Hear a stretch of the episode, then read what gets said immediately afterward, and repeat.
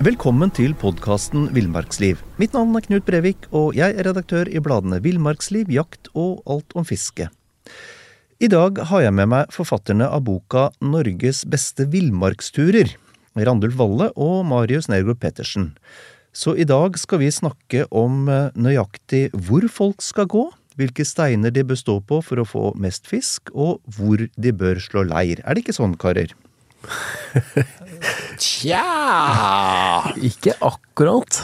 Vi prøver å øh, dempe oss og gjøre det litt mer generelt enn det. Ikke sant? Ja. For villmarka er jo litt mer generell. ja. Og villmarksopplevelsen tenker vi at den innebærer litt det å finne sin egen vei og sine egne steiner å stå på. Og det å ikke være forutinntatt fullstendig ja, på akkurat hva det turen skal innebære, og hvordan det skal se ut overalt der du går. At du eh, har en mer generell inngang, eh, endre planer underveis på turen, og bruke sanseapparatet både for å ta inn omgivelsene og for å eh, velge ruta. Og at villmarka er et sted for oppdagelse. Egen oppdagelse, egen mestringsfølelse. Og det, det er kanskje der det skiller villmarkslivet skiller seg fra det vi kaller, kan kalle friluftslivet, da. Som eh, jo er en stort sekkebegrep, men eh, i den på en måte den ene enden av skalaen så har du da friluftslivet, det der turistforeningsfriluftslivet, hvor du har en sti, du har røde t-er, du går fra hytte til hytte. Vei, det er på en måte en strek av sivilisasjon som går gjennom naturen for deg. Det er litt som mosjon, det. litt som Mosjon. ja, litt som mosjon, men samtidig også en naturopplevelse, og absolutt innafor begrepet naturopplevelse, men villmarkslivet da, for oss i hvert fall, skiller seg på den måten at det i enda større grad er eh, deg, ikke mot naturen, men med, med naturen i et mer sånn jomfruelig bilde. Nei, for det er jo klart altså Når du følger den T-stien vi snakka på, da handler orienteringa seg veldig mye om å se etter den neste T-en. Eh, mens hvis du går bort fra stien, så må du være mye mer oppmerksom på en måte både på kart og terreng, og tar inn over deg villmarka, hvis vi kan kalle den det, på en helt annen måte. Ja, for jeg fornemmer det dere Altså, dette dreier seg, uten at vi skal bli altfor eh, sånn psykologisk her, så det dreier seg om å åpne opp i en helt annen grad? Ja, på en måte så gjør det det. Eh, I hvert fall så Det friluftslivet, eller villmarkslivet jeg ofte lever, handler om også å være til stede. Og min tilstedeværelse er større når jeg tar egne bevisste valg om hvor jeg er, hvor jeg skal, hvordan jeg skal komme meg dit. Og det kan være så enkelt som altså går du et område uten sti, eh, og du kommer over en bakketopp, og eh, for meg noen ganger, så hvis jeg ikke veit om jeg skal gå til, fra høyre til, venstre, til, til høyre eller til venstre, så kan det være så enkelt for at ok, det blåser fra venstre. Jeg får en følelse av at jeg skal gå til høyre. Eh, og det valget ville jeg aldri tatt på en T-sti. Nei.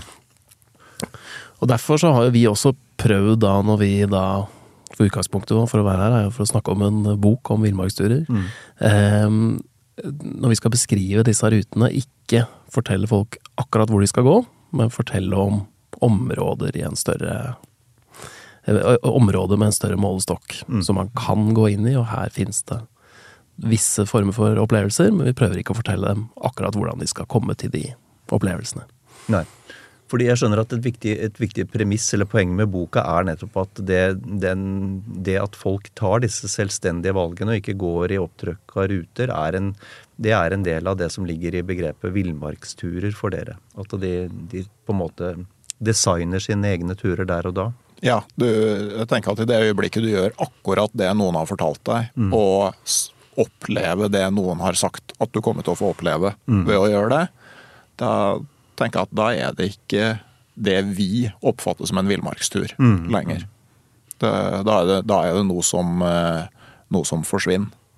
Og vi forteller jo i de her områdene altså hvor kan det være lurt å starte fra, hvordan finner du en vei inn, og, og grovt sett hva altså, Du kan starte her og du kan slutte der, men akkurat hvordan veien skal se ut derimellom, mm.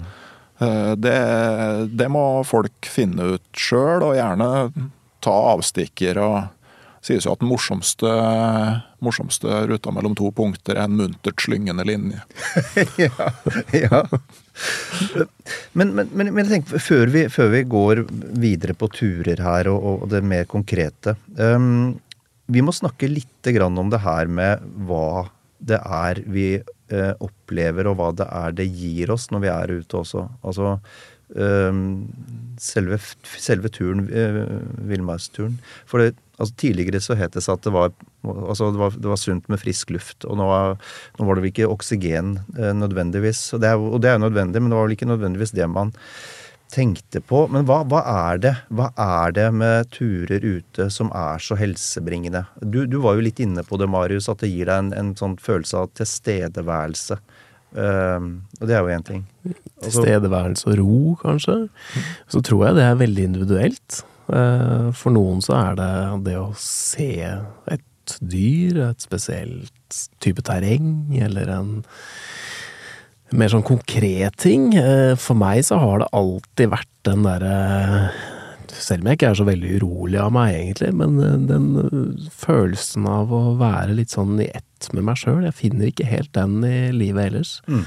Ute på tur så består livet av veldig sånn enkle nære oppgaver. Mm. Det handler om å gå, det handler om å Hvis man f.eks. baserer maten på fiske, og skaff, skaffe den, mm. den fisken til, til, middag hver dag. Eh, slå leir, pakke teltet ned igjen om, om morgenen, pakke sekken, mm. gå på nytt. Eh, være til stede i været, terrenget som du er igjennom. Og så ligger det selvfølgelig også en form for kroppslig utfordring og mestringsfølelse og Kall det mosjon, da, mm. i det også. Mm. Eh, som også er en, eh, en, del av det. Nå får du bladet Villmarksliv rett hjem i postkassa i tre måneder for kun 99 kroner. Send SMS VILL36 til 2205 og motta bladet allerede neste uke. I'm Sandra, and I'm just the professional your small business was looking for. But you didn't hire me because you didn't use LinkedIn jobs. LinkedIn has professionals you can't find anywhere else, including those who aren't actively looking for a new job but might be open to the perfect role, like me. In a given month, over 70% of LinkedIn users don't visit other leading job sites. So if you're not looking on LinkedIn, you'll miss out on great candidates like Sandra. Start hiring professionals like a professional. Post your free job on linkedin.com slash achieve today. Og ikke minst den derre naturopplevelsen. Jeg har alltid syntes det har vært så fascinerende med alt av vær, alt av terreng. Det er ingenting som slår meg som dårlig vær, eller mm. uh, for vanskelig, eller uh, ugunstig terreng. Alt er liksom en opplevelse. Mm. Mm. Hva tenker du, Randulf? Nei, jeg tenker jo det at, uh, at, historisk så kan nok den friske lufta ha betydd at du kom bort fra fabrikkene i byen. Uh, og det var sikkert sunt i seg sjøl. Men, uh, men, at jeg er veldig enig med Marius at det, det, innebærer et sånn slags avbrekk. For at vi har jo et samfunn nå som krever oppmerksomheten din, og avleder oppmerksomheten din hele tida. Mm. Det å, å, få en tilværelse som kanskje er litt nærmere den vi er designa for, da. med færre inntrykk, at hodet får tid til å jobbe, du får tenkt noen tankerekker til ende. Og eh, liksom er mentalt og fysisk på samme sted over tid. Mm, mm. Det, det, er noe som, eh, som jeg setter veldig pris på, og som blir enklere når du komme deg eh, litt bort fra, fra vei og sti. Mm, mm. Det er jo litt sånn, altså, det er, det er, litt rart det der, for dette her er jo samme begrunnelsen som folk som har beskrevet naturopplevelser, har brukt i minst 100 år. Mm. Eh, og behovet er jo større i dag enn noensinne, og blir bare større og større, mm. for den type avbrekk. Mm. Og der er jo litt den der framsnakke, den villmarksopplevelsen framfor den uh, jeg, jeg, har ingenting imot den T-sti-opplevelsen. Skal, skal ikke se ned på den på noen som helst måte. Jeg syns det er en kjempefin måte å gå på tur på, jeg. Ja. Men vi skal framsnakke den villmarksopplevelsen litt, så Jeg, jeg tror den derre uh, nesten tvungne tilstedeværelsen i veivalg og eh, takling av det du møter der ute, gjør at du får en enda større ja, kall det tilstedeværelse og ro av det. Ja, for det er, det er et eller annet med, tenker jeg, altså Vi drives hele tida fra massevis av ulike forventninger. Så, så det er jo sånn aldri, aldri hvilende. Man drives gjennom, drives gjennom døgnet. Eh, og så er det et eller annet som har slått meg med, med, det å være ute. Jeg vet ikke hva dere tenker om det, men der er det Jeg, jeg, altså jeg skjønner ikke det meste som som omgir meg med teknologi, forstår jeg ikke noe av. Altså det, det funker, men jeg skjønner ikke noe av det. Men ute så, så er det veldig forståelig. Du henter vann, du tenner bål, du prøver å fiske, du tørker klærne dine. Alt er veldig forståelig, da. Eh, kan det ligge et element der òg? Jeg har ikke tenkt på det sånn, men øh, det Men samtidig, altså, jeg tror på en måte ikke det der moderne mediebildet og sånn. Jeg tror ikke mitt primære problem er at jeg ikke forstår hvordan ett tall og nuller blir til det jeg ser på mobiltelefonen. Jeg tror det kanskje er mer det den teknologien gjør med min evne til å konsentrere meg. Mm. Uh, det plager meg ikke så mye at jeg ikke forstår kildekoden. Nei, nei. Det, men, men, den er lagd Det er nok mer den der psykologiske greia som ligger bak Ja, sånn som ikke sant, at du skal åpne mobilen for å sjekke om skisporet er kjørt opp der du bor. Og så et kvarter seinere så sitter du og scroller og ser videoer av folk som slår seg på Instagram og har glemt hva det var du egentlig skulle gjøre. Mm. Mm. Og du har faktisk enda ikke kommet deg ut på ski. og der er jeg enig med, med deg i at, at der, der, ligger det noe sånn uforståelig hvorfor bruker jeg tid på dette her? Uh, mens de opp oppgavene som man gjør ute, nettopp å hente vann, uh, det er noe som gir resultater der og da, mm. og, som, uh, og, som, det er et, en nødvendighet. Og det er jo en sånn luksusgreie i den moderne verden, at vi gjør masse ting som egentlig ikke er nødvendig for oss. Mm. Uh, og det å bli da transportert tilbake i en tilstand hvor du er nødt til å gjøre den og den og den oppgaven, og den tar, det, er faktisk det du bruker mesteparten av døgnet på mens du er våken. Mm. På å gjøre ting som er helt nødvendig å gjøre. Mm. Uh, jeg, jeg, for meg også så ligger det en sånn uh, ro i det. Mm. Ok. Um, Å se folk som slår seg på Instagram, det, det, av en eller annen merkelig grunn så er det interessant også. Det, Mm. Det, det, Skjønner det, jo egentlig ikke. Det, er jo ganske moro. Neste bok skal handle om men, men, men, jeg tenker det er Altså, boka 'Norges beste villmarksturer' um, det er jo Det er jo naturligvis uh, Vil jo naturligvis være en kilde til å motivere og oppmuntre folk til å komme seg ut. Og så er, er, dette med, med mye folk ut ute i fjellet eller i skogen, det er sånn tvega sverd. Vi vil jo gjerne ha folk ut fordi det har masse helsemessige fine altså, effekter. Både, både, mentalt og fysisk. Vi har tradisjon for å, for å, for å være ute, vi nordmenn. Um, men så er det et tvega sverd. Fordi det er uh, vi, er, vi, begynner å bli mange, og, og det er uh, De fleste områdene i Norge er jo etter hvert, om ikke lett tilgjengelig, så er det i hvert fall tilgjengelig. Uh, og så må det tas hensyn. Mm. Mm. En annen viktig faktor er jo at de villmarksområdene og turområdene Det er ikke bare at vi blir flere, men det er kanskje først og fremst det at de tilgjengelige områdene fragmenteres, deles opp og blir mindre. Mm. Uh, altså Dovrefjell er det enkleste eksempelet. ikke sant? Du bygger, må begynner med å bygge en jernbane over fjellet, så deles villreinstammen i en del i Rondane og en del i Dovrefjell. og Så bygger du eh, vannkraftmagasinene uh, og deler Dovrefjellstammen en gang til.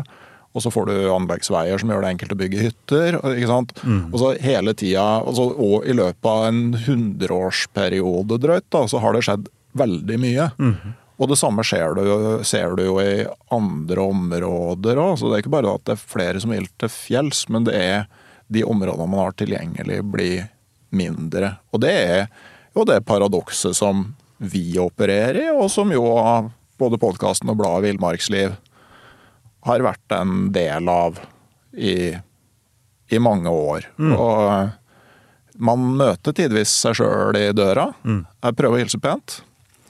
Eh, Men så er det òg kanskje at for vår del har den boka her vært et litt sånn paradigmeskifte i hvordan man angriper det her.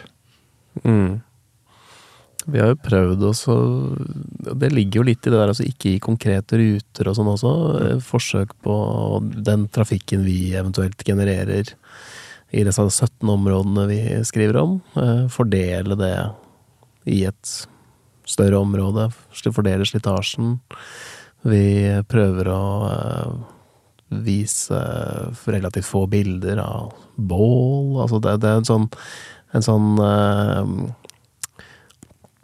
det er kanskje en bevissthet som ikke har vært så sterk før, blant annet bålbrenning, slitasje i terreng, hva det, hva det påfører, eh, påfører naturen. Eh, og så ja, ha et bevisst forhold til det også, en sporløs ferdsel. Mm. Men så mener vi jo også det at det er viktig å formidle natur før den naturen ikke er her lenger.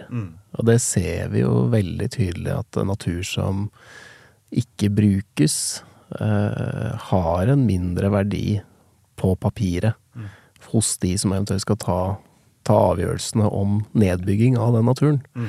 Det er jo helt sånn åpenbart i forbindelse med vindkraftutbygging i Norge, f.eks. Noen av de områdene som er bygd ut som vindkraft, er, har jo vært de fineste, mest jomfruelige områdene som har vært i sine, sine regioner. Eh, men så brukes det ikke.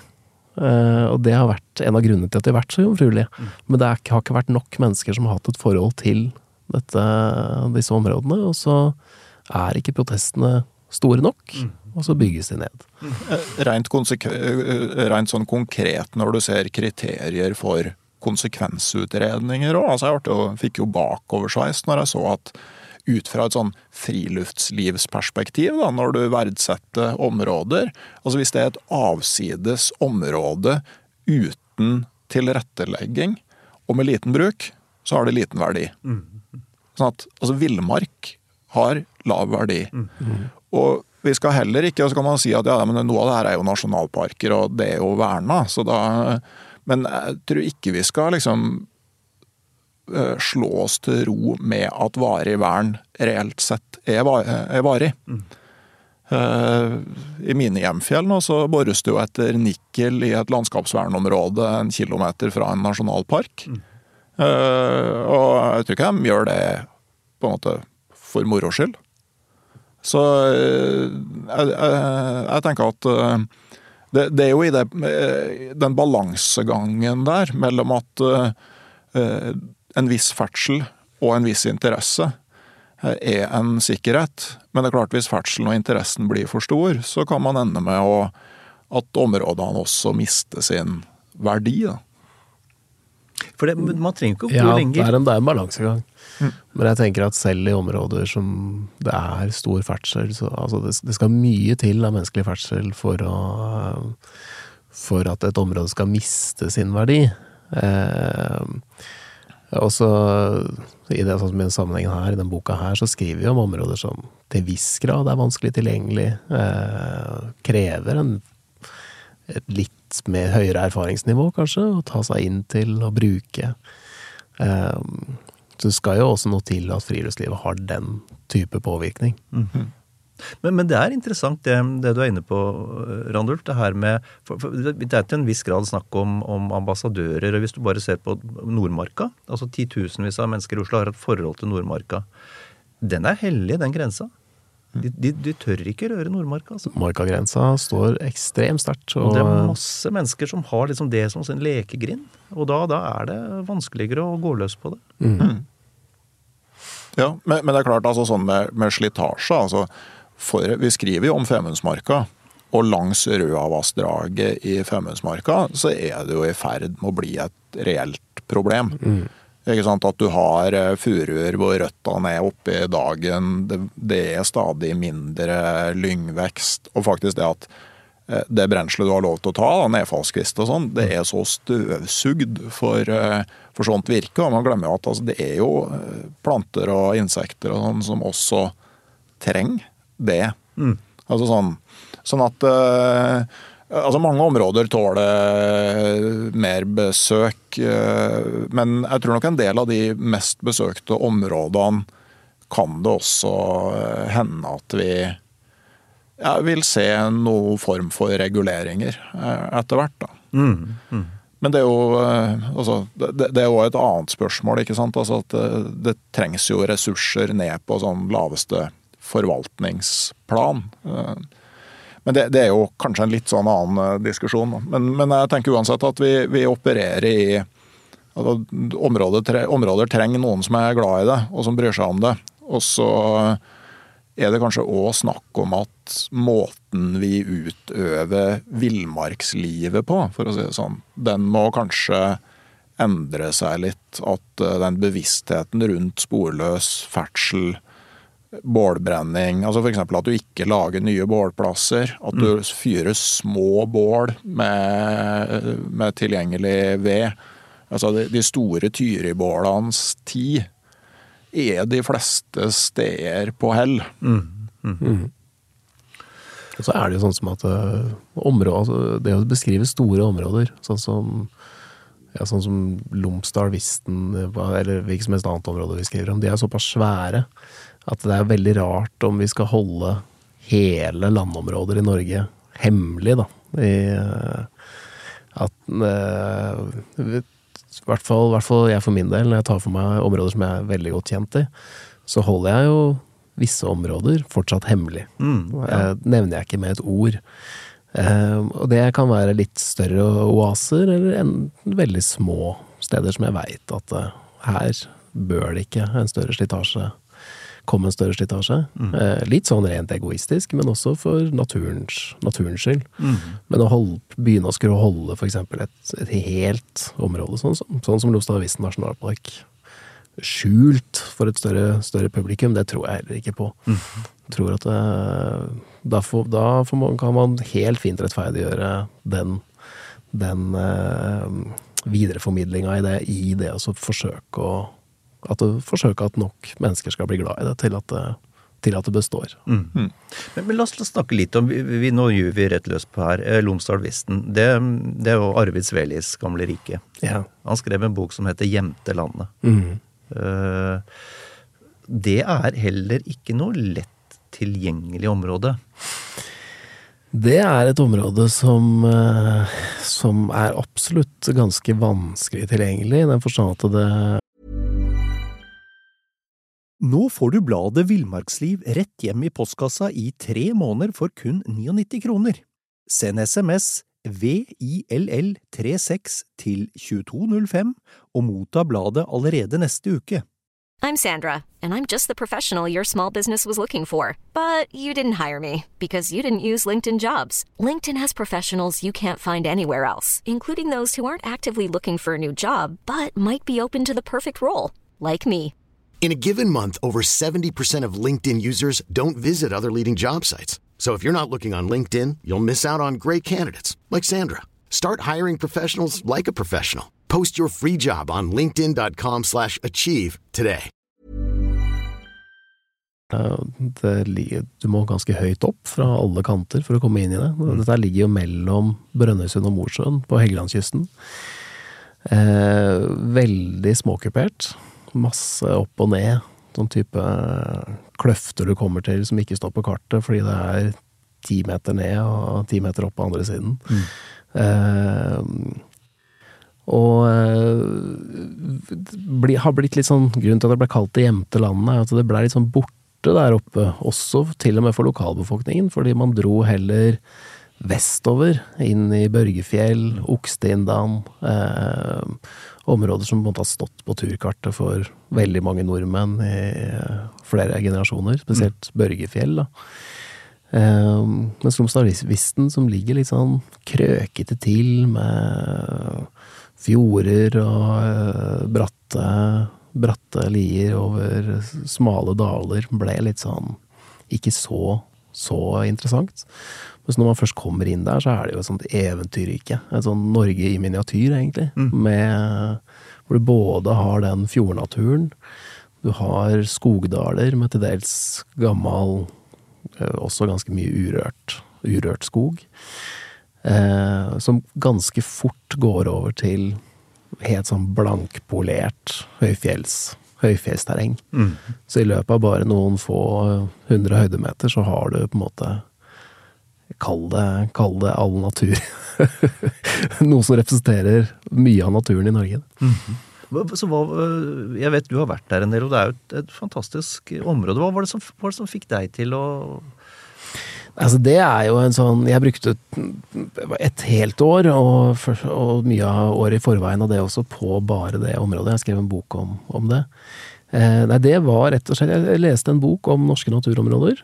Og eh, i et kapittel om området på Helgeland, hvor Børgefjell tok nesten all plassen, så sto det fire-fem setninger om noe som lå ute på kysten. Eh, som ble kalt for Det gjemte landet og som var fortsatt en veldig sånn jomfruelig del av Norge. Så begynte jeg å se etter informasjon om det, fant ingenting. Fant noe sånn verne... Jo, jeg fant noe verneplan, det var ikke verna den gangen. Eh, Så jeg pakka en veldig stor sekk, og fant ut hva slags kartblader som skulle dekke det, og så, og så at her er det nesten ikke noen stier, og nesten ikke noen hytter, og nesten ingenting. Og så dro opp der med en eh, stor sekk og ingen som helst plan nesten i det hele tatt, bortsett fra å bruke en måned. Og det var fantastisk. Og så da Jeg studerte på den tida her, så, og første turen var på sommeren. Så studerte jeg da ett år til, og så tok jeg ett år studiefri bare for å gå på tur i Lomsarvisten etter det. God du verden. Det var eh, Det var jo et eventyr. Ja. Og der, det, dette er et område av Norge, der, der går det deg ikke på så mye folk. Du går ikke i kø. Nei, nei. Dette her var jo en sånn sted hvor man Ja, i løpet av en fem ukers uh, sommertur midt i høysesongen, så møtte møtte, husker møtte folk i en robåt Uh, først Eller dag to. Og så da Neste tilfeldige møte, var da nest siste dagen, fem uker etterpå. Ja, Møtte noen som bodde på en gård. Eh, i, I en av fjordarmene så var det en bebodd gård den gangen. Eh, og møtte dem, da. Det var jo planlagt møte. Men tilfeldig var det da nest siste dagen igjen. Og det er liksom Det er midtsommers. ja, ja. Jeg husker jo faktisk jeg var i Børgefjell for første gang sånn eh, må ha vært eh, litt før årtusenskiftet. Og når jeg var på vei inn dit, så, så, så sa de liksom at ja, men det er faktisk enda finere på andre sida, mot, mot vest. Æh, tenkte jeg. Men eh, så dro jeg inn i Børgefjell igjen flere ganger. Så eh, Og Børgefjell Altså, jeg har faktisk ikke vært i Børgefjell. Det er jo et sånn Det er en blindsone for meg. Ja. Men eh, det er jo sikkert et fantastisk område. Eh, og fisken er visstnok større i Børgefjell. Eh, mens eh, Og Lomsdalvisten er har jo litt mer sånn småvokst eh, Med mye ørret, men Ja. litt, eh, litt mindre ørret der inne. Da. Selv om det er gode vann der også. Men eh, landskapet i seg sjøl er eh, helt fantastisk, altså. Randulf, um, det, det, er 17, 17 områder dere har delt det, om ikke broderlig, så har jeg i hvert fall delt det sånn noenlunde gjennom eh, mellom dere. Um, hvilke områder er du mest fascinert av, hvis du skal trekke fram et? Nei, altså jeg, jeg er jo fortsatt litt sånn finnmarking i hjerterota etter å ha bodd ni år i, i nord og med base i Hammerfest. Så hver eneste dag jeg bodde der og kikka ut gjennom vinduet og kunne se ut på seilene, så kløyp jeg meg sjøl i underarmen og minte meg om at det her kom ikke til å vare for evig. Eh, Og, og øya Seiland, med Seiland nasjonalpark, men også alle de områdene, eller områdene på øya som ikke er en del av nasjonalparken, har liksom en stor plass i hjertet mitt. Og det Altså, man tenker jo kanskje på Finnmark som flatt og bjørk og myr og mygg og sånn. Men der har du isbreer på 1000 meter over havet, og så stuper bre, breen og, og fjellet rett ned i sjøen. Da. Og eh, grønne lier. Veldig godt terreng oppi. Og sjøl om øya ikke er så stor, så har jeg jo liksom både tenkt på å skrive litt om i boka hva som ville skjedd hvis du tok liksom to sånn kjempehender og bare trakk det landskapet ut Bretta det ut? bretta det ut, så ville det jo blitt kjempestort.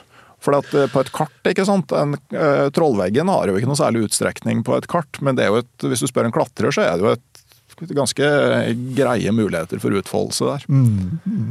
Eh, nei, og Seila nå har jo fiskevann, rype, mm. eh, men òg den derre kyst uh, altså Det at du liksom kan fiske torsk og ørret og røye på samme tur, og mm. rypa sitter faktisk i fjæra. Mm. Mm. Det, det, er noe med den øya der, altså. Den, uh, og jeg har bare egentlig så vidt krafsa i overflaten på, uh, på hva seilene kan gi.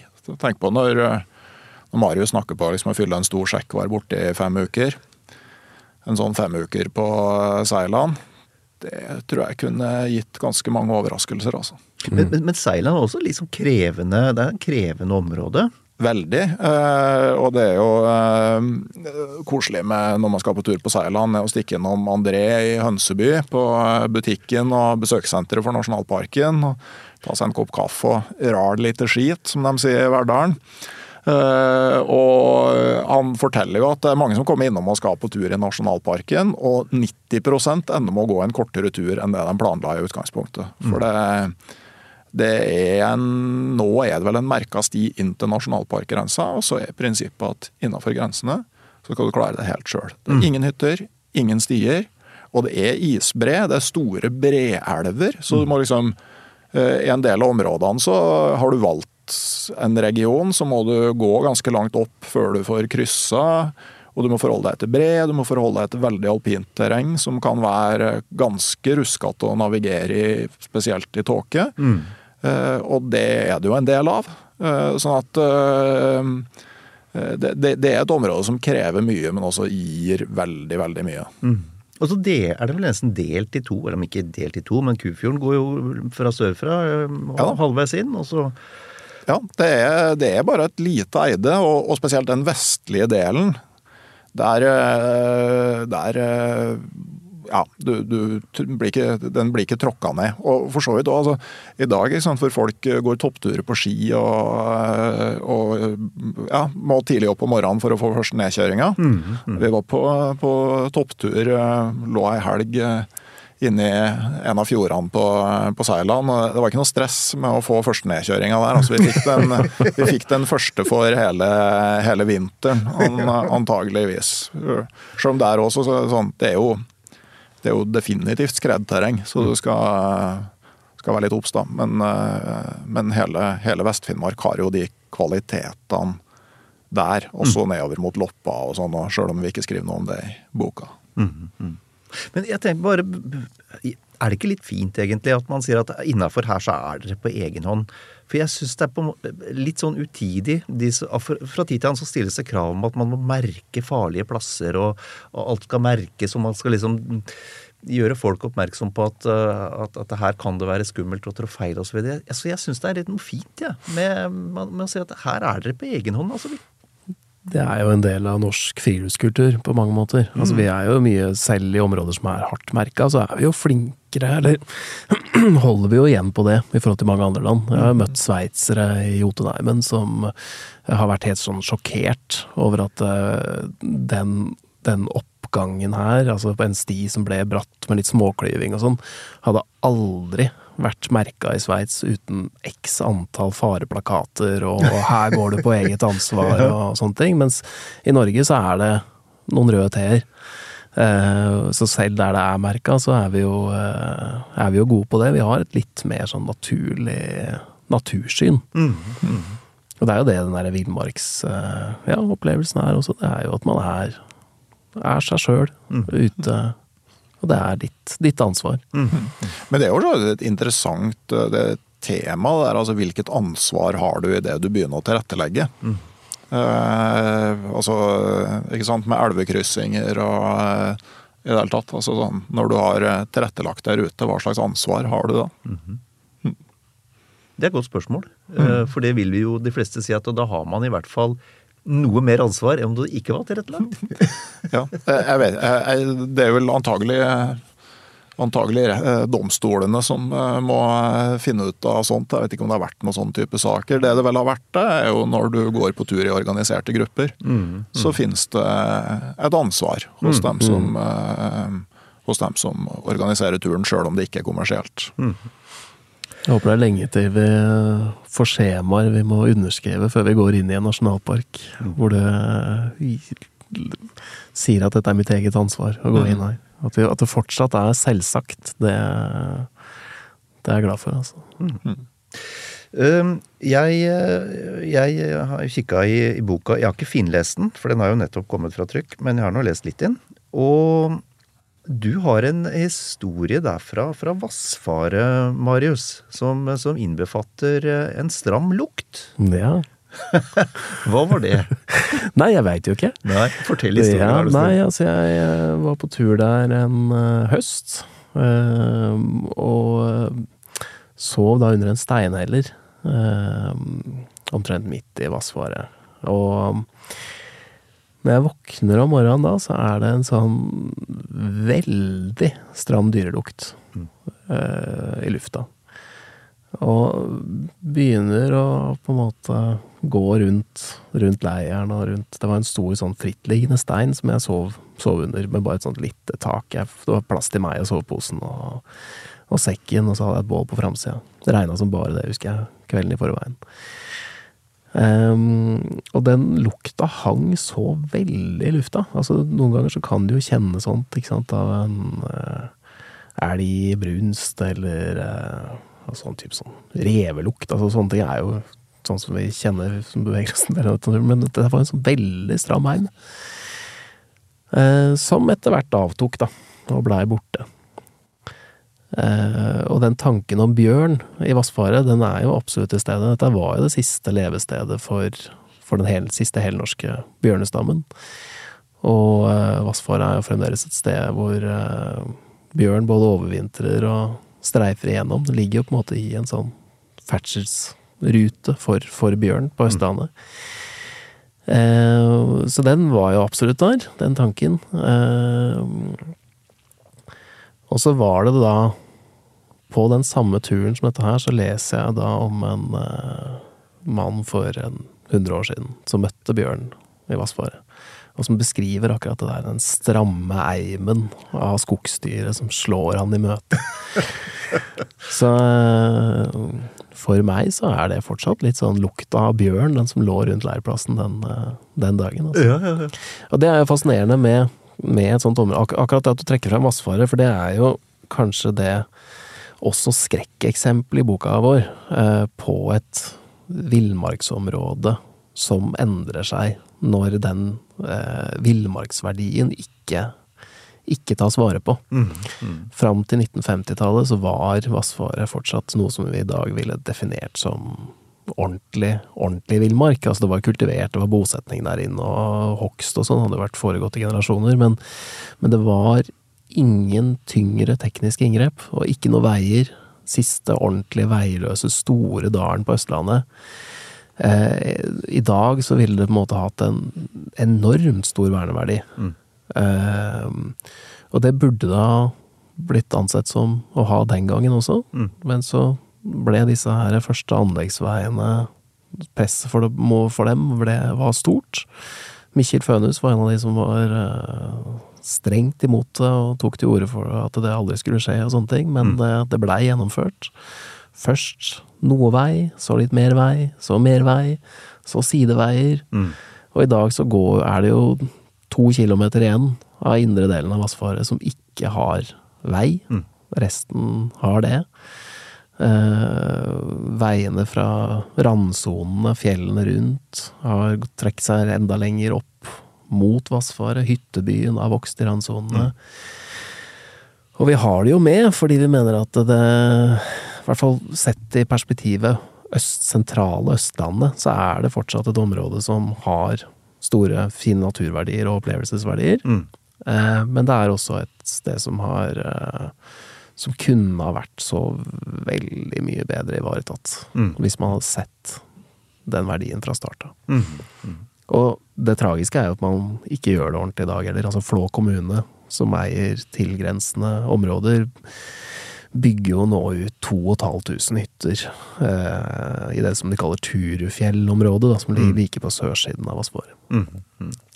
Så selv i dag, hvor vi på en måte har så god kunnskap om eh, at disse områdene blir fragmentert og borte for oss, og hvor viktig det egentlig er at vi tar vare på dem, så, eh, så fins det ikke noen sånn eh, klare ordninger for å få stoppe noe sånn Sånn som for meg det er en så hensynsløs utbygging som, det de, som det som holder på, de holder på med der akkurat nå. Men det, det er jo litt sånn Naturen er i, jevnt over den tapende part her. Altså, det skriver jo blant annet om, eh, om, om, om Dovrefjell og, og holdt jeg på å si oppstarten igjen av Snøheim midt, midt inni det viktigste trekkområdet for rein. Altså, det, jo, det virker jo som vi aldri lærer. Nei da, det, det, er jo en Det med, med Snøheim er jo en sak for seg sjøl. Altså det det kanskje òg si noe om altså Det er jo litt sånn den fortsettelsen at vi tar masse enkeltbeslutninger uten at man noen gang setter seg ned og ser på helheten. For når man har tatt den beslutninga om Snøheim, så har man liksom kanskje brukt opp veldig mye av den ferdselskvoten som du har, for der er det jo villreinen ikke sant, som, som ble hensynstatt. Og det Dovrefjell-kapitlet er helt omskrevet fra første utkast. Etter, for vi har jo i hvert fall i en del av områdene kommunisert ganske mye med, med dem som jobber med dem. Og, og, og det er sånn uttrykk for at altså når du tar noen beslutninger, så tar du samtidig andre beslutninger uten at du, uten at du nødvendigvis er klar over det, og uten at de som blir berørt, er en del av det. For det har, aldri, det har jo aldri vært snakk om liksom at når man snakka om man skulle gjenåpne Snøheim, så har det aldri vært en del av diskusjonen at ja, men da må det kanskje være færre folk som tar med seg teltet og, og ferdes med sin egen bolig på ryggen. Du, du velger én ting uten at det blir synliggjort hva du samtidig velger bort. Mm, mm. Det tenker jeg er en, en, en utfordring. Da. At, og at det kanskje ville vært enklere å ta gode beslutninger og enklere for folk, for oss, da, å, å forstå om man uh, tyd, var tydeligere på altså, hva er konsekvensen av det valget her.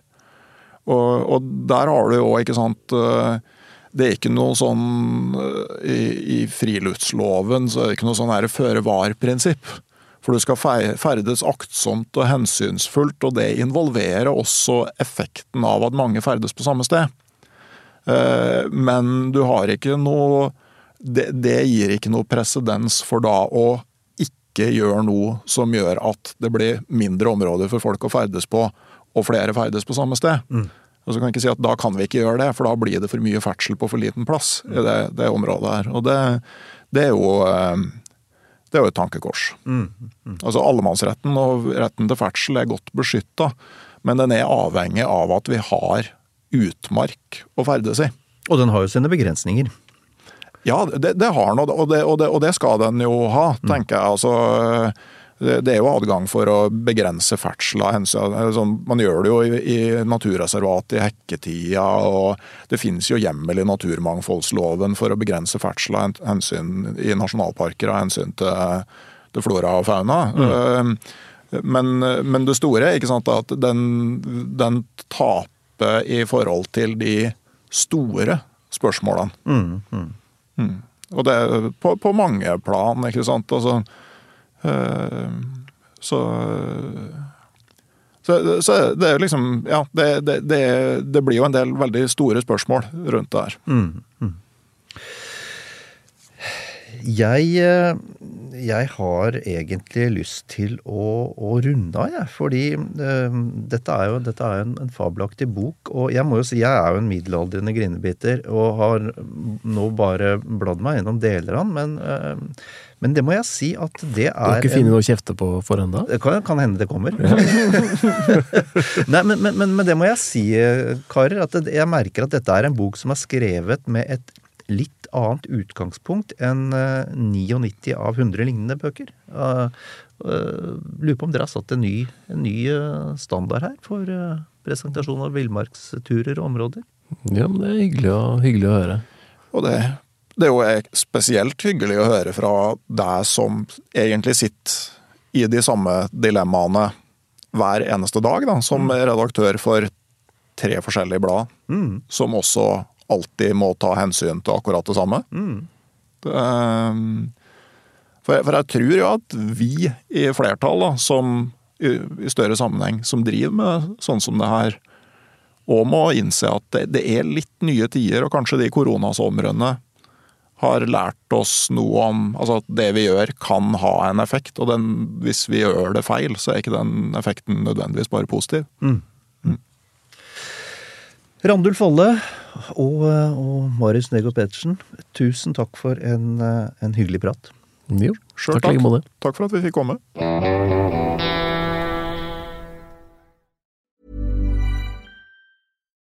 Nå får du bladet Villmarksliv rett hjem i postkassa i tre måneder for kun 99 kroner.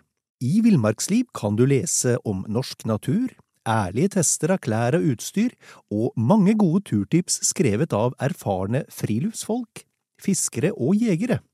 Send SMS VILL36 til 2205 og motta bladet allerede neste uke. Lev livet villere med bladet Villmarksliv.